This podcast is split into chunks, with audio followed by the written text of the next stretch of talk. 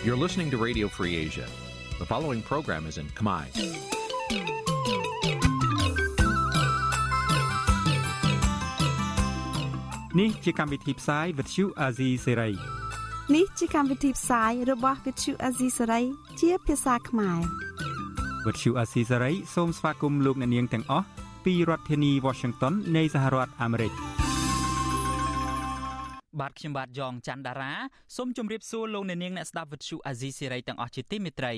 បាទខ្ញុំបាទសូមជូនកម្មវិធីផ្សាយសម្រាប់យប់ថ្ងៃប្រហ័ស8កើតខែមករាឆ្នាំខាលចត្វាស័កពុទ្ធសករាជ2566បាទដែលត្រូវនឹងថ្ងៃទី1ខែធ្នូគ្រិស្តសករាជ2022បាទជាបន្តទៅជាដំបូងនេះសូមអញ្ជើញអស់លោកអ្នកនាងស្ដាប់ព័ត៌មានប្រចាំថ្ងៃដែលមានមេត្តាដូចតទៅ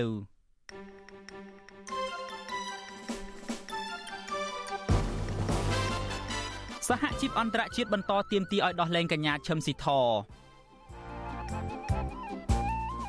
លោកហ៊ុនសែនបន្តប្រើប្រាស់ពាក្យថាសន្តិភាពដើម្បីឃោសនារោគសម្លេងឆ្នោតនៅមុនរដូវកាលបោះឆ្នោតគ្រួសារស្ត្រីរងគ្រោះដោយសារការវះកាត់ខុសបច្ចេកទេសប្តឹងទាមទាររោគយុត្តិធម៌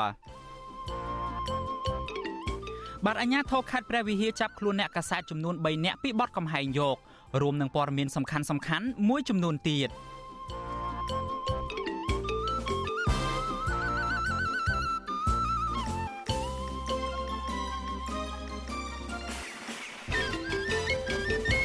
បាទជាបន្តទៅទៀតនេះខ្ញុំបាទយ៉ងច័ន្ទដារាសូមជូនព័ត៌មានទាំងនេះពិស្ដា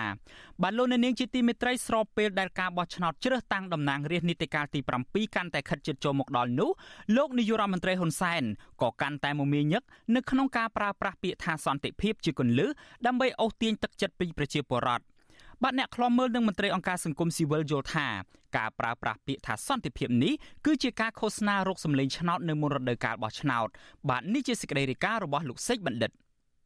លោកហ៊ុនសែនថ្លែងនៅចំពោះមុខកម្មករប្រជាពលរដ្ឋនិងមន្ត្រីរាជការជិត10000នាក់ក្នុងពេលដែលចូលរួមអបអរសាទរខួប11ឆ្នាំ ក្នុងប្រតិបត្តិការរបស់ក្រុមហ៊ុនផលិតអំពូលភ្លើងរបស់ជប៉ុន នៅតំបន់សេដ្ឋកិច្ចពិសេសភ្នំពេញ នៅព្រឹកថ្ងៃទី1ខែធ្នូ ថាការដែលក្រុមហ៊ុនមួយនេះមកបើកដំណើរការនៅកម្ពុជា ដែលធ្វើឲ្យកម្មកររាប់ពាន់នាក់មានការងារធ្វើអស់រយៈពេលជាច្រើនឆ្នាំមកហើយនេះដោយសារតែកម្ពុជា មានសុខសន្តិភាពពេញលេញលោកហ៊ុនសែនបញ្ជាក់ថាបើគ្មានសន្តិភាពទេនោះក្រុមហ៊ុនរបស់ជប៉ុនមួយនេះនឹងមិនអាចឈរជើងនៅកម្ពុជាបានយូរឡើយដូច្នេះលោកត្រូវតែរក្សាសន្តិភាពឲ្យទាល់តែបាន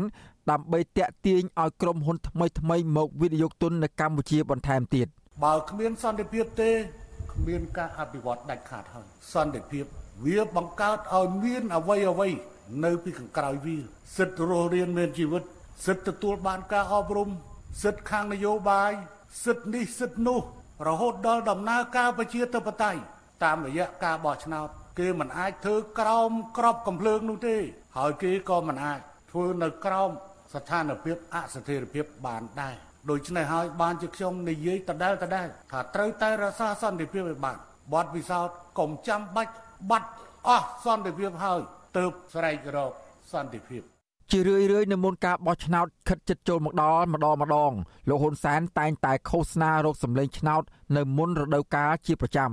ហើយលោកតែងតែសម្លុតគម្រិតកំហែងប្រជាពលរដ្ឋ ដោយប្រើពាក្យថាប្រទេសនឹងមានសង្គ្រាមប្រសិនបើគណបកប្រជាជនកម្ពុជាចាញ់ឆ្នោត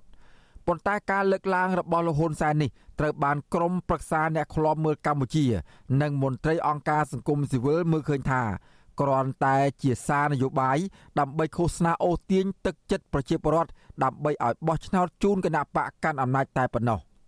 សមាជិកក្រុមប្រឹក្សាឃ្លាំមើលកម្ពុជា លោករងឈុនមានប្រសាសន៍ថា កម្ពុជាគ្មានសន្តិភាពពេញលេញនោះទេ ពីព្រោះមានប្រជាពលរដ្ឋរាប់លាននាក់បានធ្វើចំណាកស្រុកទៅស្វែងរកការងារធ្វើនៅក្រៅប្រទេសដោយសារតែពួកគេអត់ការងារធ្វើនៅក្នុងស្រុកនិងមួយចំនួនទៀតត្រូវបង្ខំចិត្តតវ៉ាទាំងទឹកភ្នែកដោយសារតែអ្នកមានលុយមានអំណាច រំលោភយកដីធ្លីរបស់ពួកគេ បន្ថែមពីលើនេះទៀតអាញាធរបានធ្វើទុកបុកម្នេញលើក្រុមកោតក្រ Nagawal ដែលបានតវ៉ាដោយសន្តិវិធី ទាមទារឲ្យអាជ្ញាធរដោះស្រាយវិវាទការងាររបស់ពួកគេ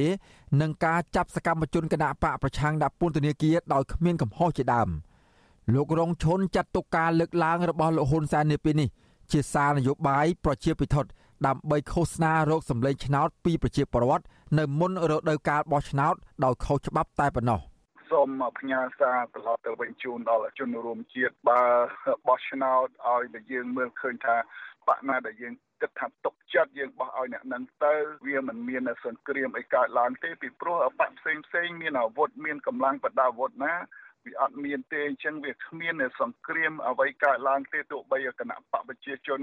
បាត់បង់អំណាចទៅនឹងយើងក៏គ្មានសង្គ្រាមអីកើតឡើងដែរបាទបច្ចុប្បន្នមានសកម្មជនគណៈបកប្រឆាំងអ្នករិះគន់រដ្ឋាភិបាល និងសហជីពចំនួន51នាក់កំពុងជាប់ឃុំនៅពន្ធនាគារ ដោយសារតែការអនុវត្តសិទ្ធិសេរីភាពរបស់ខ្លួន ការសម្ដែងមតិរិះគន់រដ្ឋាភិបាល និងការតវ៉ាទាមទារឲ្យក្រុមហ៊ុនដោះស្រាយវិវាទការងាររបស់ពួកគេតំណាងគឧតកោក្រុមហ៊ុនបងលបែងកាស៊ីណូ Nagavel លោកស្រីសុករតនាថ្លែងថា សន្តិភាពសពថ្ងៃនេះ មានតែក្រុមអ្នកមានលុយមានអំណាច និងបកពួករបស់លោកហ៊ុនសែនតែប៉ុណ្ណោះចំណែកពលលោកស្រី ដែលជាប្រជាពលរដ្ឋក្រីក្រវិញគ្មានសន្តិភាពឡើយ ពលគឺរស់នៅដោយទឹកភ្នែកដោយសារតែអាញាធរវាធ្វើបាបពួកគេនៅពេលចេញតវ៉ារកដំណោះស្រាយវិវាទការងាររបស់ខ្លួនម្ដងម្ដងលោកស្រីបញ្ជាក់ថាអ្វីដែលលោកស្រីឈឺចាប់មិនអាចបំភ្លេចបាននោះគឺកងសន្តិសុខរាជធានីភ្នំពេញបានវាយទាត់ធាក់មកលើលោកស្រីបណ្ដាលឲ្យរលូតកូនកាលពីពេលថ្មីថ្មីនេះ គាត់តែចេញទៀមទាសិទ្ធត្រូវបានគេវាយត្រូវបានគេវាយដំត្រាំធាក់ហើយខ្ញុំអត់ដឹងថាសន្តិភាពនឹងមានសម្រាប់កោតកោណាកាវើកន្លែងណាបងព្រោះបើសិនជានិយាយទៅគឺខ្ញុំតែងតែអួតអនកបងសុំទោសដោយសារតែខ្ញុំមានអារម្មណ៍ថាវារន្ធត់ព្រោះយើងជាកម្មករខ្មែរយើងចេញទៀមទាត្រូវបានអាជ្ញាធរខ្មែរដែលស៊ីប្រាក់ខែរដ្ឋនេះដែលស៊ីប្រាក់ខែប្រជាពលរដ្ឋស៊ីប្រាក់ខែរាជនេះត្រូវបានកត់វាយយើងដល់ថ្នាក់រលូតូនណាបងខ្ញុំមានអារម្មណ៍ថាខ្ញុំសោកស្ដាយខ្លាំងណា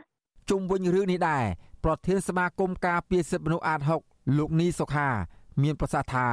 ប្រទេសមានសន្តិភាពទៅបានលុះត្រាតតែប្រជាពលរដ្ឋរស់នៅសុខទាំងផ្លូវកាយនិងផ្លូវចិត្តនិងមានយុត្តិធម៌សង្គមក៏ប៉ុន្តែសពថ្ងៃនេះប្រជាពលរដ្ឋមួយចំនួនរងភាពអយុត្តិធម៌នៅក្នុងសង្គមនិងរស់នៅទាំងទឹកភ្នែកលោកមើលឃើញថាការដែលលោកហ៊ុនសែន ប្រើប្រាស់ពាក្យរក្សាសន្តិភាពនៅចំពោះមុខប្រជាពលរដ្ឋម្ដងហើយម្ដងទៀតបែបនេះគឺជាសារនយោបាយដើម្បីអូសទាញប្រជាពលរដ្ឋក្នុងន័យកេងចំណេញផ្នែកនយោបាយនៅមុនការបោះឆ្នោតមកដល់តែប៉ុណ្ណោះ។ អានេះវាមិនមានសន្តិភាពក្នុងផ្លូវចិត្តរបស់គាត់ទេពីព្រោះថាការរំលោភបំពានបំពាននៅតែទទួលរងនូវភាពអយុត្តិធម៌ចឹងហើយបានយើងទទួលហើយទទួលទៀតថាទន្ទឹមនឹងរដ្ឋាភិបាលគេហៅថាប្រទេសកម្ពុជាយើងមិនមានចម្បាំងរាំងជលមិនមានសង្គ្រាមបាញ់បោះតទៅទៀតនេះគឺថាជាឱកាសមួយដើម្បីរដ្ឋាភិបាលធ្វើការស្ដារនៅសន្តិភាពឲ្យបានពេញលេញជូនប្រជាពលរដ្ឋពិសេសគឺសន្តិភាពទាំងផ្លូវកាយសន្តិភាពទាំងផ្លូវចិត្ត ការបោះឆ្នោតជ្រើសតាំងតំណាងរាស្ត្រនីតិកាលទី7នឹងប្រព្រឹត្តទៅនៅថ្ងៃអាទិត្យទី23ខែកក្កដាឆ្នាំ2023ខាងមុខមន្ត្រីសង្គមស៊ីវិលបញ្ជាក់ថាកម្ពុជាអាចនឹងមានសន្តិភាពពិតប្រាកដប្រសិនបើរដ្ឋាភិបាលបើកលំហសេរីភាពឲ្យប្រទេសមានប្រជាធិបតេយ្យនិងរៀបចំការបោះឆ្នោតនាពេលខាងមុខនេះប្រកបដោយសេរី ត្រឹមត្រូវនិងយុត្តិធម៌ខ្ញុំបាទសេកបណ្ឌិតវិទ្យុអាស៊ីសេរីពីរដ្ឋធានីវ៉ា បាទលោកនាងជាទីមេត្រីពាក់ព័ន្ធទៅនឹងករណីចាប់ខ្លួនកញ្ញាឈឹមស៊ីធឯនេះវិញសហព័ន្ធសហជីពពាណិជ្ជកម្មអន្តរជាតិទាមទារឲ្យរដ្ឋាភិបាលលោកហ៊ុនសែនលុបចោលការចោទប្រកាន់និងប្រគល់សេរីភាពជូនកញ្ញាឈឹមស៊ីធឲ្យមានសេរីភាពឡើងវិញបាទអ្នកនាំពាក្យគណៈបកប្រជាជនកម្ពុជាថាករណីនេះគឺជាការអនុវត្តច្បាប់របស់តុលាការដោយមិនមានការជាប់ពាក់ព័ន្ធទៅនឹងរដ្ឋាភិបាលនោះទេ ក៏ប៉ុន្តែមន្ត្រីសមាគមផ្នែកសិទ្ធិការងារលើកឡើងថាស្ថាប័នសហជីពអន្តរជាតិមួយនេះមានឥទ្ធិពលនៅលើឆាកអន្តរជាតិដូច្នេះរដ្ឋាភិបាលកម្ពុជា គួរតែពិចារណាដោះលែងកញ្ញាឈឹមស៊ីធដើម្បីបញ្ជាការដាក់សម្ពាធផ្សេងផ្សេងបាទពីប្រទេសអូស្ត្រាលីលោកថាថៃរាយការណ៍ព័ត៌មាននេះការទៀមទាយុតិធននិងសេរីភាពសម្រាប់មេដឹកនាំសហជីពប្រចាំក្រុមហ៊ុន Nagawal កំពុងបន្តផុសផុលជាបន្តបន្ទាប់ដោយមានការចូលរួមពីអង្គការសមាគមសហជីពក្នុងស្រុក និងក្រុមប្រទេសប្រជាធិបតេយ្យធំធំព្រមទាំងស្ថាប័នអន្តរជាតិដែលមានឥទ្ធិពលផ្សេងទៀតសហព័ន្ធសហជីពពាណិជ្ជកម្មអន្តរជាតិហៅកាត់ថា ITUC ជំរុញឲ្យរដ្ឋាភិបាលកម្ពុជាត្រូវជួយអន្តរាគមន៍ដើម្បីធានាសុវត្ថិភាពកញ្ញាឈឹមស៊ីធហើយទម្លាក់ចោលរាល់ការចោទប្រកាន់និងត្រូវដោះលែងគាត់ជាបន្ទាន់ដោយគ្មានលក្ខខណ្ឌសហព័ន្ធសហជីពពាណិជ្ជកម្មអន្តរជាតិលើកឡើងក្នុងសេចក្តីថ្លែងការណ៍ដែលវិទ្យុអាស៊ីសេរីទើបទទួលបាននៅថ្ងៃទី1ធ្នូថា ស្ថាប័នរបស់ខ្លួនព្រួយបារម្ភជាខ្លាំងចំពោះការចាប់ឃុំខ្លួនកញ្ញាឈឹមស៊ីធកាលពីថ្ងៃទី26ខែវិច្ឆិកាបន្ទាប់ពីនាងវិលចូលទៅកម្ពុជាវិញក្រោយចូលរួមសមាជពិភពលោកលើកទី5របស់សហព័ន្ធសហជីពពាណិជ្ជកម្មអន្តរជាតិដែលរៀបចំធ្វើឡើងនៅទីក្រុងមែលប៊នប្រទេសអូស្ត្រាលីសហជីពអន្តរជាតិមួយនេះបន្តថាបច្ចុប្បន្ននេះស៊ីថកំពុងត្រូវបានអាជ្ញាធរឃុំខ្លួនក្នុងពន្ធនាគារព្រៃសរម៉ូ2 ដែលធ្វើឲ្យមានក្តីព្រួយបារម្ភធំធេងអំពីលក្ខខណ្ឌនៃការឃុំខ្លួនរបស់នាងនិងព្រួយបារម្ភថារដ្ឋាភិបាលកម្ពុជា កំពុងសងសឹកប្រឆាំងរូបនាងដោយសារភាពជាតំណាងនៃការការពារផលប្រយោជន៍កម្មករកម្ពុជានៅឯក្នុងសមាជសហជីពអន្តរជាតិកន្លងមកសហព័ន្ធសហជីពពាណិជ្ជកម្មអន្តរជាតិពិនិត្យឃើញថាការចោតប្រកាន់ស្ត្រីមេដឹកនាំសហជីព Nagawal តាំងពីដំបូងពាក់ព័ន្ធនឹងការអនុវត្តសិទ្ធិសេរីភាពសហជីពរហូតមកដល់ការចាប់ខ្លួនឡើងវិញ ក្រុមហេតុផលថានាងបំពេញបំរាមតុលាការដែលហាមចេញក្រៅប្រទេសនោះគឺបង្ហាញថារដ្ឋាភិបាលកម្ពុជា កំពុងអនុវត្តផ្ទុយពីកាតព្វកិច្ចរដ្ឋធម្មនុញ្ញដែលត្រូវគោរពគោលការណ៍ជាមូលដ្ឋាននៃសេរីភាពបង្កើតសមាគមនិងកាតព្វកិច្ចរបស់ខ្លួននៅក្រោមអនុសញ្ញាលេខ87របស់អង្គការអន្តរជាតិខាងការងារហៅកាត់ថា ILO ស្ដីពីសេរីភាពនៃសមាគមនិងការការពារសិទ្ធិនៃការបង្កើតសមាគមដែលរដ្ឋាភិបាលបានផ្ដល់សច្ចាប័នកាលពីឆ្នាំ1999 សហជីពអន្តរជាតិមួយនេះរួមជាមួយនឹងសហជីពអន្តរជាតិខាងចំណីអាហារហៅកាត់ថា IUF ក៏បានបញ្ជូនការវិវត្តនៃករណីកញ្ញាឈឹមស៊ីធននេះទៅគណៈកម្មការសេរីភាពនៃសមាគមដែរសហជីពអន្តរជាតិដដែលក៏រំលឹកឡើងវិញថាសហជីពនិងពលរដ្ឋគ្រប់រូបមានសិទ្ធិចូលរួមសកម្មភាពសហជីពនៅក្រៅប្រទេសហើយផ្អែកតាមសេចក្តីប្រកាសស្តីពីសិទ្ធិមនុស្សជាសកលចែងថាពលរដ្ឋគ្រប់រូបមានសិទ្ធិចាកចេញនិងវិលត្រឡប់ចូលទៅប្រទេសរបស់ខ្លួនវិញដោយគ្មានការរារាំង សហព័ន្ធសហជីពពាណិជ្ជកម្មអន្តរជាតិគឺជាស្ថាប័នដែលមានឥទ្ធិពលនៅលើឆាកអន្តរជាតិដែលមានសមាជិកសហជីពប្រមាណ300ស្ថាប័នមកពីជាង120ប្រទេសទូទាំងពិភពលោកហើយជាស្ថាប័នដែលមានដៃគូជាមួយអង្គការអន្តរជាតិសំខាន់សំខាន់ជាច្រើនទៀតឆ្លើយតបករណីនេះអ្នកនាំពាក្យគណៈបកកណ្ដាលអំណាចលោកសុកអេសានថ្លែងការពីចំណាត់ការរបស់តុលាការថារឿងនេះគឺជាការអនុវត្តច្បាប់ហើយគ្មានប្រទេសឬស្ថាប័នណាមួយដាក់សម្ពាធលើរដ្ឋាភិបាលឲ្យលូកដៃជ្រៀតជ្រែកកិច្ចការតុលាការបានឡើយ។ អានឹងមិនដឹងទេអានឹងអាស្រ័យទៅលើរាជរដ្ឋាភិបាលទេដូចខ្ញុំជម្រាបហ្នឹងថាអត់មានពាក់ព័ន្ធជាមួយរាជរដ្ឋាភិបាលទេហើយដូច្នេះហើយវាគ្មានហេតុផលអីដែលត្រូវបរទេសមួយចំនួនប្រើឥទ្ធិពលរបស់ខ្លួនគៀបសង្កត់លើរាជរដ្ឋាភិបាលកម្ពុជាទេបាទព្រោះរឿងនេះជារឿងសម័យជនប្រព្រឹត្តល្មើសច្បាប់ល្មើសដីការបស់តុលាការអញ្ចឹងនេះជារឿងតុលាការជាមួយសម័យជនមិនមែនតឡាមិនមែនរឿងរាជរដ្ឋាភិបាលជាមួយសម័យជនទេបាទ តាក់ទងករណីនេះដែរសាលាដំបងរាជធានីភ្នំពេញនិងក្រសួងកាងារបានចេញសេចក្តីបំភ្លឺថាការចាប់ឃុំខ្លួនកញ្ញាឈឹមស៊ីធព្រោះនាងបានចាក់ចេញពីកម្ពុជាដោយគ្មានការអនុញ្ញាតពីចៅក្រមស៊ើបសួរដែលជាការបំពេញកាតព្វកិច្ចនៃការត្រួតពិនិត្យតាមផ្លូវតុលាការដោយមិនពាក់ព័ន្ធនឹងការដោះស្រាយវិវាទការងារជារួមនោះទេក៏ប៉ុន្តែកញ្ញាឈឹមស៊ីធនិងមេធាវីអះអាងថាពួកគាត់មិនដែលបានដឹងអំពីលក្ខខណ្ឌរបស់តុលាការនេះទេហើយមុនពេលចាក់ចេញពីកម្ពុជាទៅក្រៅប្រទេសនេះ សមត្ថកិច្ចដែលត្រួតពិនិត្យឯកសារឆ្លងដែនក៏មិនបានហាមឃាត់កញ្ញាដែរជុំវិញករណីនេះមន្ត្រីសង្គមស៊ីវិលចាត់ទុកថាគ្រប់ករណីទាំងអស់គឺមន្ត្រីរដ្ឋាភិបាលនិងអ្នកនាំពាក្យគណៈបកកណ្ដាលអំណាចតែងបកស្រាយថាជារឿងអនុវត្តច្បាប់ដដែលដដែលក៏ប៉ុន្តែជាក់ស្ដែងកន្លងមករដ្ឋាភិបាលបានបង្ហាញឥតលាក់លៀមពីការប្រើប្រាស់ប្រព័ន្ធតុលាការដើម្បីបំបិតសម្លេងរិះគន់ប្រធានសមាគមប្រជាធិបតេយ្យឯករាជ្យនៃសេដ្ឋកិច្ចក្រៅប្រព័ន្ធលោកវ៉ាន់ពៅថ្លែងថាការទៀមទារបស់សហព័ន្ធសហជីពពាណិជ្ជកម្មអន្តរជាតិ គឺបង្ហាញពីភាពសាមគ្គីភាពរវាងសហជីពកម្ពុជានិងសហជីពពិភពលោកព្រមទាំងបង្ហាញថាការចាប់ឃុំខ្លួនកញ្ញាឈឹមស៊ីធគឺជារឿងមិនត្រឹមត្រូវនិងជារឿងរំលោភលើសេរីភាពសហជីពជាពិសេសអនុសញ្ញារបស់អង្គការ ILO លេខ87និងលេខ98ស្តីពីសេរីភាពសហជីពសិទ្ធិចរចានិងសិទ្ធិធ្វើកោតកម្មដោយសន្តិវិធីលោកយល់ថារដ្ឋាភិបាលគួរតែពិចារណាជួយអន្តរាគមន៍ទៅតាមសំណើសហជីពអន្តរជាតិនិងក្រមប្រទេសប្រជាធិបតេយ្យ យើងធ្វើអញ្ចឹងមានន័យថា មុខមាត់យើងលើលើឆាកអន្តរជាតិអាប់អោនដោយសារការយើងមិនអនុវត្តទៅតាមគោលការណ៍លទ្ធិប្រជាធិបតេយ្យគោលការណ៍សិទ្ធិមនុស្សទី1យើងបារម្ភទី2យើងក៏បារម្ភផងដែរទាក់ទងទៅនឹងការអនុគ្រោះពន្ធ GSP ក្តីការអនុគ្រោះពន្ធ EBA ក្តីទូទៅក៏ដោយប៉ុន្តែបើសិនជាស្ថានភាពនៅតែបែបហ្នឹងទៀតយើងព្រួយបារម្ភខ្លាចសហរដ្ឋអាមេរិកគេជួការអនុគ្រោះពន្ធពីទាំងស្រុងទៅតើអ្នកណាជាអ្នករងគ្រោះគឺប្រជាពលរដ្ឋខ្មែរចំណុចទី2នេះគឺយើងព្រួយបារម្ភមែនទែនទាក់ទងទៅនឹងសេដ្ឋកិច្ចពលរដ្ឋទាក់ទងទៅនឹងសេដ្ឋកិច្ចជាតិចំណុចទី3យើងព្រួយបារម្ភទាក់ទងនឹងការអនុវត្តសិទ្ធិនិងលទ្ធិប្រជាធិបតេយ្យជាពិសេសសិទ្ធិរបស់កម្មករក្នុងការបំពេញកាតព្វកិច្ចក្នុងនាមជាសហជីពការពារប្រយោជន៍ជូនកម្មករកញ្ញាឈឹមស៊ីថត្រូវបានអាជ្ញាធរចាប់ខ្លួនលើកទី2កាលពីព្រឹកថ្ងៃទី26ខែវិច្ឆិកាអាជ្ញាធរក៏បានរំលោភលើសិទ្ធិរបស់នាងក្នុងការទទួលបានមេធាវីឬតំណាងផ្នែកច្បាប់រយៈពេល48ម៉ោងដែរ ដោយសារអាជ្ញាធរនិងតុលាការបានបញ្ជូននាងទៅឃុំខ្លួនភ្លាមភ្លាមក្រោយពេលចាប់ខ្លួននៅប្រលានយន្តហោះអន្តរជាតិភ្នំពេញតែរយៈពេលប្រមាណម៉ោងប៉ុណ្ណោះចាប់តាំងពីពាក់កណ្ដាលខែធ្នូឆ្នាំ2021មកកញ្ញាឈឹមស៊ីថបានដឹកនាំធ្វើកោតកម្មអហិង្សាដើម្បីប្រឆាំងនឹងការបញ្ឈប់បុគ្គលិកជាង1300នាក់និងការរំលាយសហជីពដោយអ្នកគ្រប់គ្រងក្រុមហ៊ុនកាស៊ីណូនិងសន្តាគារ Naga World បន្ទាប់មកស៊ីថត្រូវបានអាជ្ញាធរចាប់ខ្លួនលើកទី1នៅថ្ងៃទី3ខែមករាឆ្នាំ2022 រួមជាមួយនឹងថ្នាក់ដឹកនាំនិងសកម្មជនសហជីព13នាក់ផ្សេងទៀតពីបទញុះញង់និងល្មើសច្បាប់កូវីដពួកគាត់ត្រូវបានដោះលែងឲ្យនៅក្រៅឃុំជាបណ្ដោះអាសន្នវិញនៅថ្ងៃទី14ខែមិនិនាចំណែកបុគ្គលិក Naga World ផ្សេងទៀតនៅតែបន្តធ្វើកុតកម្មនៅខាងក្រៅក្រុមហ៊ុនហើយតែងទទួលរងនឹងការវេដំការបៀតបៀនការគំរាមកំហែងនិងការដាក់ទោសទណ្ឌផ្សេងផ្សេងដោយអាជ្ញាធរកម្ពុជាចំពោះការចាប់ឃុំខ្លួនកញ្ញាឈឹមស៊ីថជាលើកទី2នេះ ក្រសួងការបរទេសសហរដ្ឋអាមេរិកនិងស្ថានទូតប្រទេសអូស្ត្រាលីក៏បង្ហាញក្តីបារម្ភនិងទាមទារឲ្យរដ្ឋាភិបាលកម្ពុជាដោះលែងរូបនាង និងសហជីពកម្មករដែលកំពុងជាប់ឃុំទាំងអស់ដោយសារប្រើសិទ្ធិសេរីភាពបង្កើតសមាគមនិងការជួបប្រជុំដោយសន្តិវិធីហើយលុបចោលរាល់ការចោទប្រកាន់លើពួកគេនិងឈានទៅដោះស្រាយវិវាទការងារប្រកបដោយការស្ថាបនាខ្ញុំថាថៃពីទីក្រុងមែលប៊ន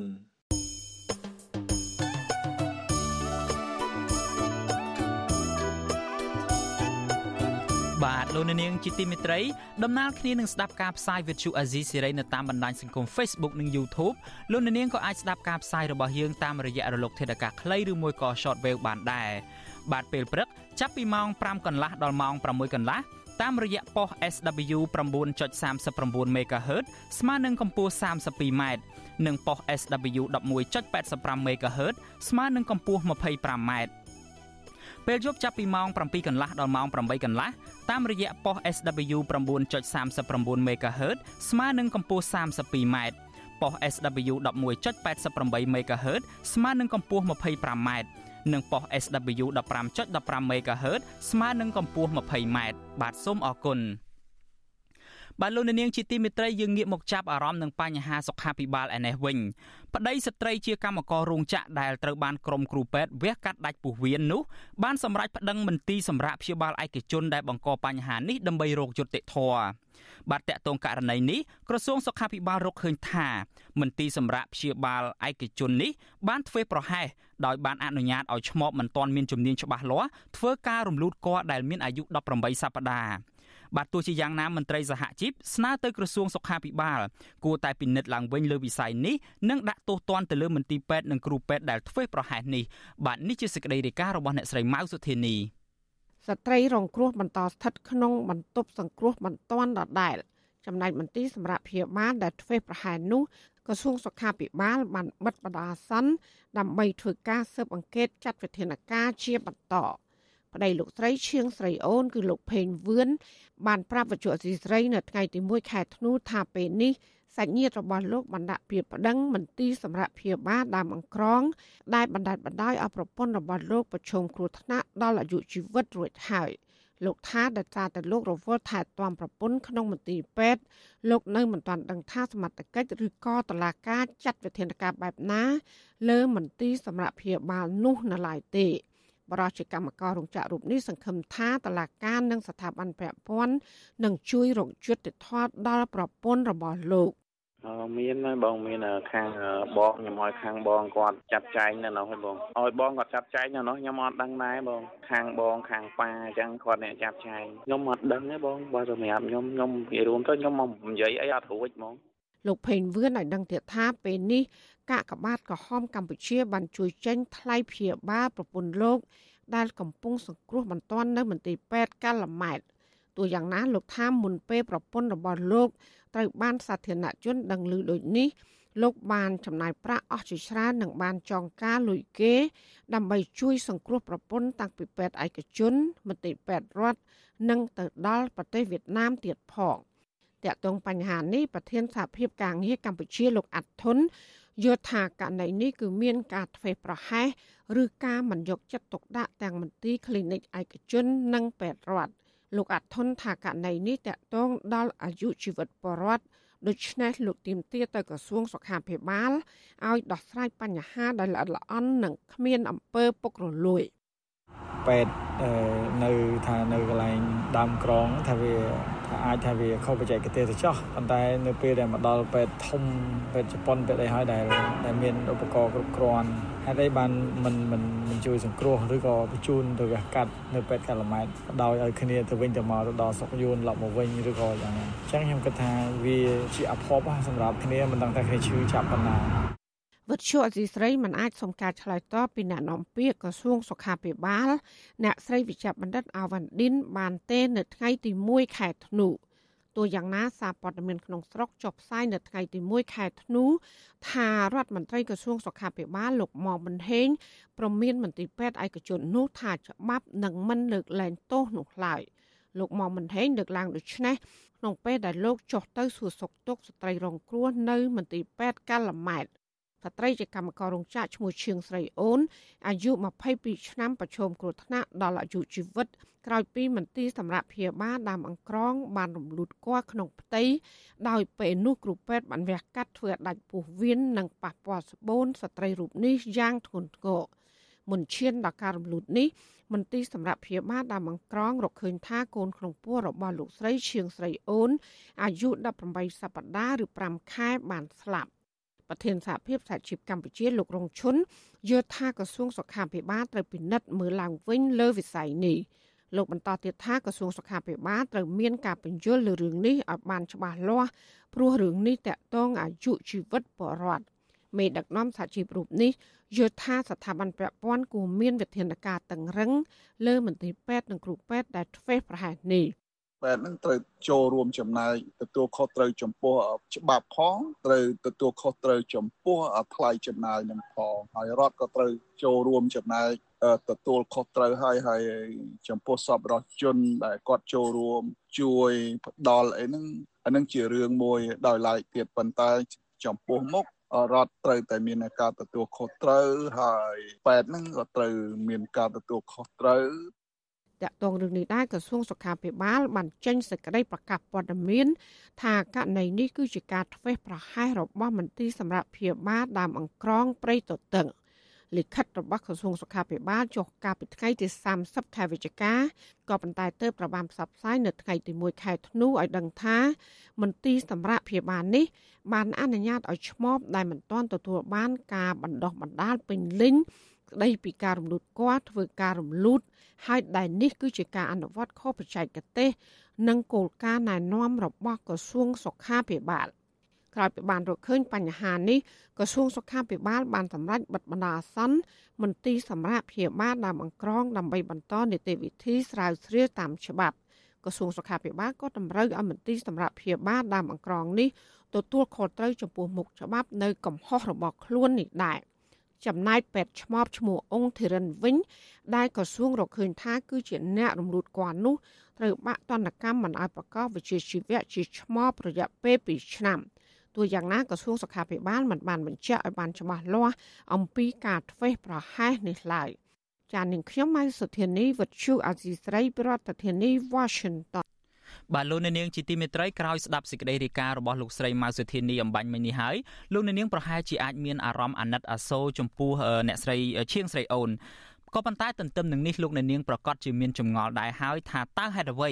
បានជាលោកស្រីឈៀងស្រីអូនបែរជាប្រឈមនឹងគ្រោះថ្នាក់ស្ទើរបាត់បង់អាយុជីវិតបែបនេះនៅពេលដែលរូបគាត់ទៅរកការជួយសង្គ្រោះនៅមន្ទីរព្យាបាលឯកជន ដែលជាទីតាំងទទួលស្គាល់ដោយក្រសួងពាក់ព័ន្ធបែបនេះបាទករណីនេះគឺជាឧទាហរណ៍ថ្មីមួយទៀតនៃគ្រោះថ្នាក់សម្រាប់ស្ត្រីមានផ្ទៃពោះដោយសារគ្រូពេទ្យធ្វេសប្រហែសឬខ្វះក្រមសីលធម៌វិជ្ជាជីវៈ បាទថាតើស្ត្រីមានផ្ទៃពោះឬមួយក៏លោកអ្នកនាងកញ្ញាដែលមានសាច់ញាតិមានជាស្ត្រីមានផ្ទៃពោះនោះគួរតែធ្វើយ៉ាងណាដើម្បីបង្ការគ្រោះថ្នាក់ដល់អាយុជីវិតនៅក្នុងពេលទៅរកសេវាសុខាភិបាលនោះបាទចុះចំណែកបុគ្គលិកសុខាភិបាលឬមួយក៏គ្រូពេទ្យនិងអ្នកពាក់ព័ន្ធដទៃទៀតវិញត្រូវទទួលខុសត្រូវបែបណាខ្លះ បាទសូមអញ្ជើញលោកនាងរងចាំស្ដាប់បទសម្ភាសជាមួយអ្នកជំនាញផ្នែកសុខាភិបាលនៅក្នុងកម្មវិធីផ្សាយរយៈពេល30នាទីរបស់ Vuthu Azizi Serai គឺចាប់ពីម៉ោង8កន្លះដល់ម៉ោង9យប់នេះកុំបីខានបាទសូមអរគុណ។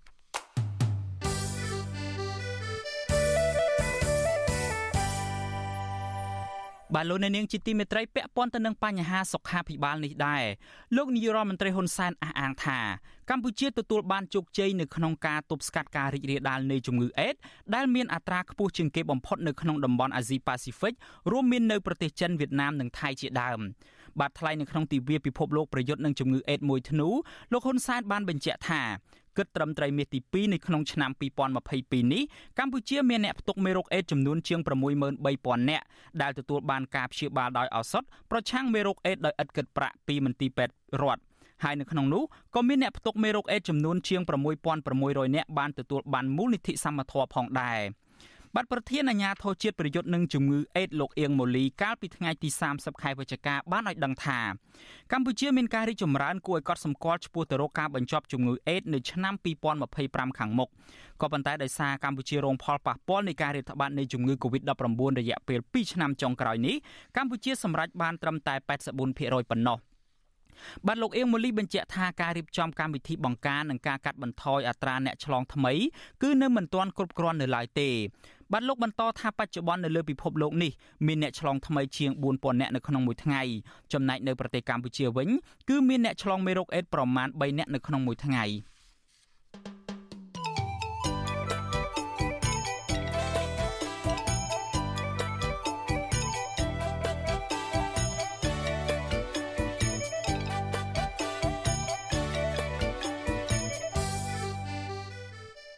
បាទលោកនាងជាទីមេត្រីយើងងាកចេញពីបញ្ហាសុខាភិបាលមកចាប់អារម្មណ៍នឹងបញ្ហាជីវភាពរបស់ប្រជាកសិករខ្មែរយើងឯនេះវិញ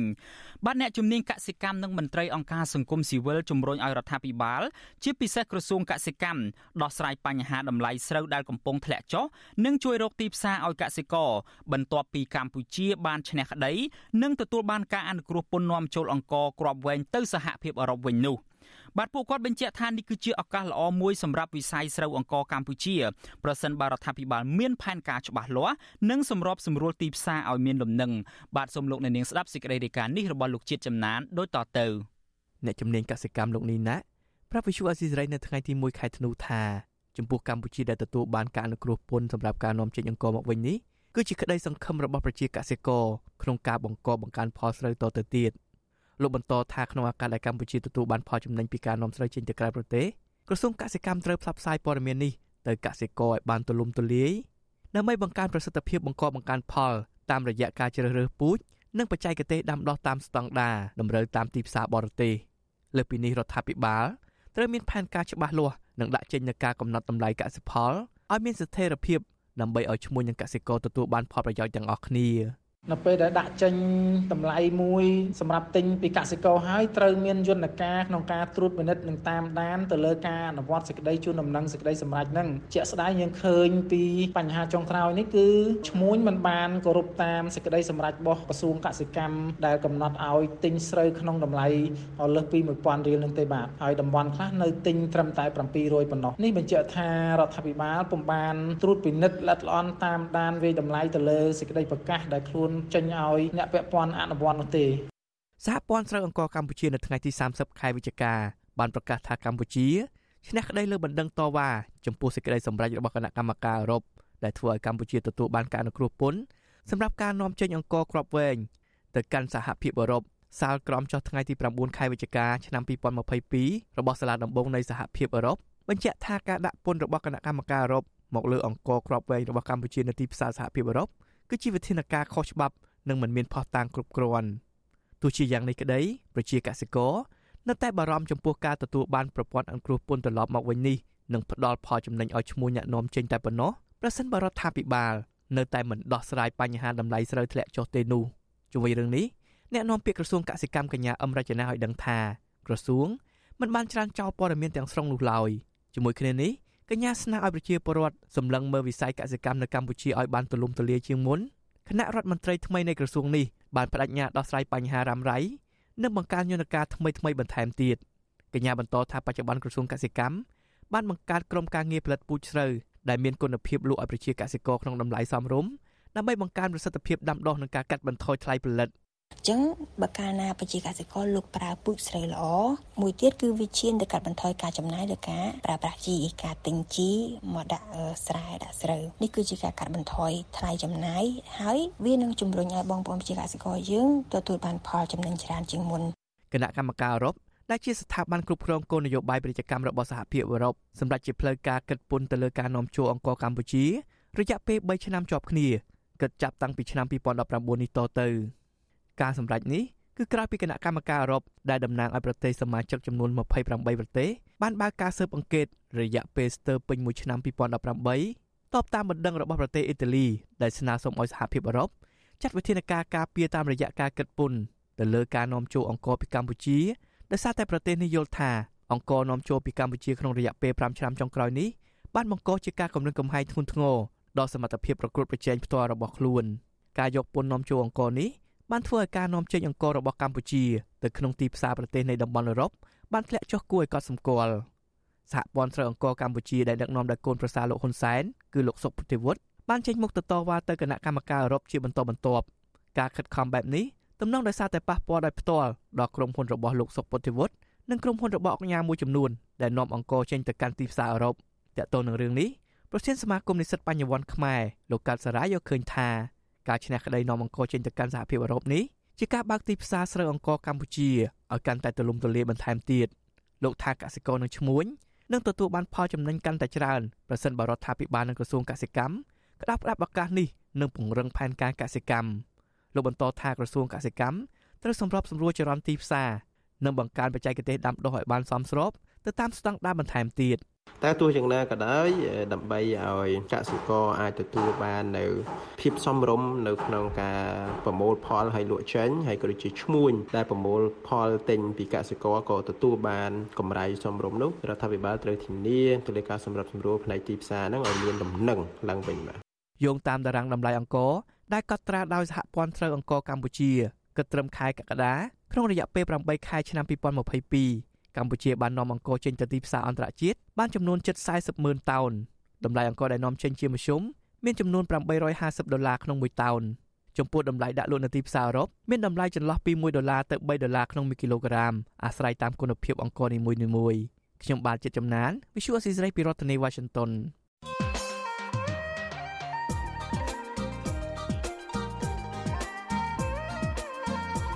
បាទលោកនាងជាទីមេត្រីអ្នកនយោបាយមកពីគណៈបកក្រៅរដ្ឋាភិបាលមួយចំនួនតែងតែធ្វើនយោបាយបែបហក់លោតផ្លាស់ពីគណៈបកមួយទៅគណៈបកមួយទៀត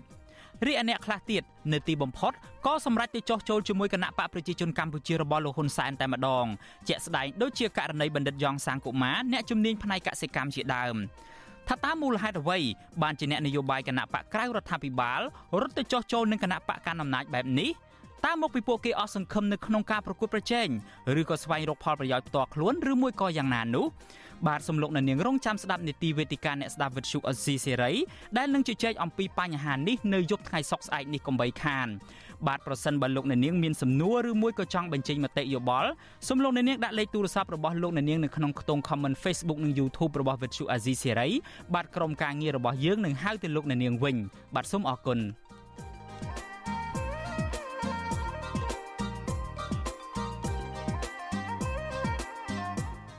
បាទលោកអ្នកនាងជាទីមេត្រីយើងងាកទៅចាប់អារម្មណ៍ពីបញ្ហាសុខទុក្ខរបស់ប្រជាពលរដ្ឋនៅឯខេត្តសៀមរាបឯណោះវិញអាជ្ញាធរអប្សរាចុះរុះរើសំណង់ប្រជាពលរដ្ឋជាច្រើនកន្លែងនៅភូមិអញ្ចាញសង្កាត់នគរធំក្រុងសៀមរាបបាទអ្នកភូមិអះអាងថាអាជ្ញាធរអប្សរាមិនបានជូនដំណឹងជាមុនឡើយមុនធ្វើការរុះរើនិងរឹបអូសសម្ភារៈសំណង់របស់ពួកគាត់ បាទមន្ត្រីអង្គការសង្គមស៊ីវិលយល់ឃើញថាការរឹបអូសសម្ភារៈសំណង់របស់ប្រជាពលរដ្ឋទាំងកំរោលបែបនេះគឺជាការរំលោភសិទ្ធិមនុស្សធ្ងន់ធ្ងរបាទលោកទីនហ្សាការីយ៉ារាយការណ៍ព័ត៌មាននេះអញ្ញាធរអប្សរាជាង10នាក់បានចុះរុះរើនឹងរឹបអូសយកគ្រឿងសំណង់របស់អ្នកភូមិអង្ចាញ់ទី5នៅថ្ងៃទី1ធ្នូនេះអ្នកភូមិអញ្ចាញចាត់ទុកការរុះរើទាំងនេះប្រៀបដូចជាក្រមចោលពីព្រោះក្រមអាជ្ញាធរចុះរុះរើដោយប្រញាប់ប្រញាល់និងធ្វើឡើងនៅពេលដែលម្ចាស់សំណង់មិននៅ។ អ្នកភូមិអញ្ចាញម្នាក់លោកស្រីឡុងពៅប្រាប់វិទ្យុអាស៊ីសេរីថាអញ្ញាធិអបស្រាមិនបានជួយដំណឹងពីការរុះរើកូនខ្ទមរបស់គាត់ជាមុននោះឡើយ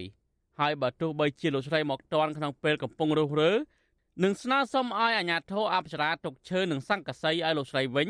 ក៏ពួកគេមិនទុកឲ្យដែរលោកស្រីថាការរស់រើបែបនេះគឺផ្ទុយទៅនឹងសម្ដីរបស់លោកហ៊ុនសែនដែលធ្លាប់បានលើកឡើងកាលពីពេលថ្មីថ្មីនេះថាអាញាធរអប្សរា មិនត្រូវរស់រើសំណងរបស់ប្រជាពលរដ្ឋឡើយដោយត្រូវទុកឲ្យពលរដ្ឋរស់រើដោយខ្លួនឯងជាមួយគ្នានេះលោកស្រីឡុងពៅបន្ថែមថាសំណងរបស់លោកស្រីមិនដាល់ជាសំណងខុសច្បាប់ដោយអ្វីដែលអាញាធរអប្សរាចោទប្រកាន់នោះឡើយពីព្រោះកូនខ្ទមរបស់គាត់សង់នេះធ្វើឡើងនៅលើដីដែលជាកេរដូនតាបានចែកឲ្យហើយសាងសង់នៅលើទីតាំងខ្ទមពីមុនមកប៉ុណ្ណោះបងបើសិនជាសំណងអាណាធិបតេយ្យសំណងខុសច្បាប់គេរើបាន តែសំណងខ្ញុំមកខ្ញុំនៅយូរហើយមិនមែនសំណងខុសច្បាប់ទេទី1ទី2សម្ដេចហ៊ុនសែនណាលោកបានប្រកាសថាបើសិនជាសំណងខុសច្បាប់ត្រូវតែឲ្យម្ចាស់ផ្ទះរស់រើដោយខ្លួនឯងមិនមែនចុះមករស់រើផ្ទះប្រជាជនដោយប្រជាជនអត់នៅចឹងទេបើសិនជាខ្ញុំមិនព្រមរស់រើអាហ្នឹងគាត់អាចរើបានអានេះគាត់អាចបានជួបខ្ញុំសោះហើយហេតុអីគាត់ចុះមករស់រើផ្ទះខ្ញុំកាលពីខែមិថុនាកន្លងទៅក្រុមអាជ្ញាធរអប្សរាក៏ធ្លាប់បានទៅរុះរើសំណង់អ្នកភូមិអញ្ចាញ់ដែរដោយកាលនោះ អាជ្ញាធរអប្សរាបានផ្ដល់ដំណឹងថានឹងរុះរើសំណង់នៅក្នុងភូមិនេះចំនួន27ទីតាំងទោះជាយ៉ាងណាក្រុមអាជ្ញាធរអប្សរាមិនបានរុះរើសំណង់របស់អ្នកភូមិបានឡើយដោយសារកាលនោះ អ្នកភូមិរាប់រយនាក់បានចេញមកតវ៉ាដោយមានកាន់កំបិតពូថៅនិងដំបងបណ្ដេញក្រុមអាជ្ញាធរអប្សរាចេញពីភូមិទោះជាយ៉ាងណាអ្នកនាំពាក្យអាជ្ញាធរអប្សរាលោកឡុងកសលអះអាងថាមុននឹងចុះទៅរស់រើ អាជ្ញាធរអប្សរាបានជួយដំណឹងដល់ប្រជាពលរដ្ឋជាថ្មីរួចហើយនៅក្នុងខែវិច្ឆិកាកន្លងទៅលោកបន្ថែមថាការលើកឡើងរបស់ប្រជាពលរដ្ឋទាំងនេះគឺមិនពិតឡើយហើយលោកសំណូមពរដល់ប្រជាពលរដ្ឋគួរគោរពតាមគោលការណ៍របស់អាជ្ញាធរអប្សរានិងបញ្ឈប់ការសាងសង់សំណង់អាណាធិបតេយ្យក្នុងតំបន់ហាមឃាត់ដើម្បីការពារបេតិកភណ្ឌពិភពលោកអញ្ចឹង យើងបញ្ជូនព័ត៌មានចុងក្រោយលើកមួយទៀតជូនទៅគាត់ថាយើងនឹងធ្វើការរុះរើក្នុងករណីគាត់មិនធ្វើការរុះរើដោយស្ម័គ្រចិត្តអញ្ចឹងព័ត៌មានយើងជូនគាត់គ្រប់ពេលគ្រប់វេលាហើយតាមដំណាក់កាលអត់មានធ្វើការងារដោយពុំមានច្បាប់ទ្រព្យប្រាច់តែទៅនឹងការឃើញនេះផ្ទុយពីការអះអាងនេះបរដ្ឋនៅភូមិអញ្ចាញ់ម្នាក់ទៀតគឺលោកសុកថនអះអាងថាអញ្ញាធិអប្សរាមិនបានជូនដំណឹងដល់ប្រជាពលរដ្ឋឡើយមុននឹងធ្វើការរុះរើលោកបន្ថែមថាអ្នកភូមិអញ្ចាញ់ភ័យច្រើននៅតែព្រួយបារម្ភ ខ្លាចអាញាធរអប្សរារុះរើផ្ទះរបស់ពួកគេ ពីព្រោះថារាល់ថ្ងៃនេះនៅមានក្រុមបោះវែងពីក្រសួងដែនដី បញ្ចុះបញ្ចូលបរិឲ្យស្ម័គ្រចិត្តដើម្បីបដូរទៅនៅទីតាំងថ្មី លោកថាបរដ្ឋគ្រាន់តែទៅផ្សារដើម្បីទិញម្ហូបហើយទុកកូនតូចតូចឲ្យនៅយាមផ្ទះតែនៅពេលត្រឡប់មកវិញបែរជាអាញាធរអប្សរារុះរើនឹងដឹកយកគ្រឿងផ្ទះរបស់ពួកគាត់គ្មានសល់ លោកសុកថនអះអាងថាការរុះរើនិងរឹបអូសយកសម្ភារៈសំណង់ដូចនេះគឺប្រៀបដូចជាក្រំចោលអញ្ចឹងដែរពីព្រោះការរុះរើគឺធ្វើដោយប្រញាប់ប្រញាល់និងមិនអោយម្ចាស់ដឹងជាមុននិយាយរួមទៅវា4 10 20 50ជំនឿចតាហើយចតាទៀតចតាហើយចតាទៀតដល់ដល់ពេលមកអាសម័យនេះមកបដិញតារះចេញទៅពីផ្ទះហ្នឹងទូរើតារះចេញពីផ្ទះឥឡូវមានតាតំណពោធ្វើម៉េចឲ្យរាជរដ្ឋាភិបាលមិនធ្វើបាបរះតែប៉ុណ្ណោះឯង ជុំវិញនឹងរឿងនេះអ្នកនាំពាក្យសមាគមការពារសិទ្ធិមនុស្សអាត់ហុកលោកសឹងសានករណាយល់ថាការរុះរើនឹងរឹបអូសគ្រឿងសំណង់ពីសំណាក់អាជ្ញាធរអប្សរាទាំងកំរល់បែបនេះគឺជាការរំលោភសិទ្ធិមនុស្សយ៉ាងធ្ងន់ធ្ងរលោកថាបើទោះបីជាយ៉ាងណាក្រុមអាជ្ញាធរអប្សរាមិនគួររឹបអូសយកសម្ភារៈសំណង់របស់ប្រជាពលរដ្ឋដែលគ្រាន់តែសាងសង់កូនខ្ទមតូចតាចនេះឡើយពីព្រោះពួកគេមានជីវភាពក្រីក្រ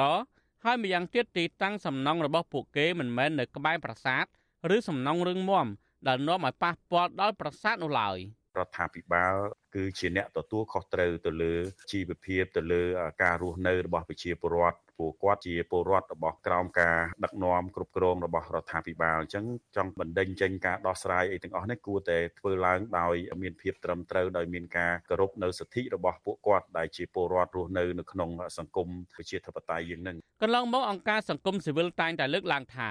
ការចុះរុះរើសំណង់ក្នុងតំបន់អប្សរាធ្វើឡើងដោយមិនស្មើភាពនោះទេដោយអ្នកមានលុយមានអំណាចអាចសាងសង់សំណង់រឹងមាំបាន តែចំពោះប្រជាពលរដ្ឋក្រីក្រ តែងតែត្រូវបានអាជ្ញាធរអប្សរាចុះរុះរើយកសំណង់តូចតាចរបស់ពួកគាត់ទាំងអស់ខ្ញុំធីនសាការីយ៉ាអស៊ីសេរីប្រធានីវ៉ាស៊ីនតោន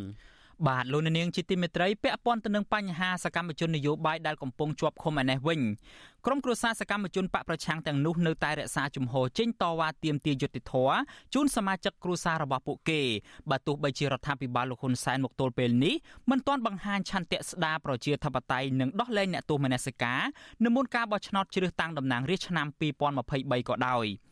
បាទមន្ត្រីសិទ្ធិមនុស្សគាំទ្រសកម្មភាពតស៊ូមតិដោយសន្តិវិធីបែបនេះក៏ប៉ុន្តែស្ថានភាពនយោបាយបច្ចុប្បន្ននេះពន្លឺយុត្តិធម៌សម្រាប់សកម្មជនបកប្រឆាំងអាចនៅឆ្ងាយបាទសូមលោកនាងស្ដាប់សេចក្តីរាយការណ៍មួយទៀតរបស់លោកសេកបណ្ឌិតដូចតទៅក្រមគ្រួសារសកម្មជនគណៈបកប្រឆាំងដែលកំពុងជាប់ពន្ធនាគារលើកឡើងថាពួកគាត់មានការឈឺចាប់និងរស់នៅរងទុក្ខវេទនានៅក្នុងសង្គមដែលរដ្ឋាភិបាលរំលោភសិទ្ធិនិងលទ្ធិប្រជាធិបតេយ្យធ្វើបាបប្រជាពលរដ្ឋ ដែលមាននិន្នាការនយោបាយផ្ទុយពីខ្លួនពួកគេអំពាវនាវដល់រដ្ឋាភិបាលលហ៊ុនសែនឲ្យបញ្ឈប់យកសមាជិកគ្រួសាររបស់ពួកគាត់ធ្វើជាចំណាប់ខ្មាំងនយោបាយហើយងាកមកបញ្ចប់ចំនួននយោបាយដោយសន្តិវិធីព្រមទាំងដោះលែងអ្នកជាប់ឃុំនយោបាយឲ្យមានសេរីភាពដើម្បីបានជួបជុំក្រុមគ្រួសារឡើងវិញប្រពន្ធសកម្មជនគណៈបកសង្គ្រោះជាតិនៅខេត្តស្វាយរៀងដែលកំពុងជាប់ពន្ធនាគារត្រពាំង plong លោកយឹមសារ៉េតគឺលោកស្រីអុកចន្ទធីរៀបរាប់ថា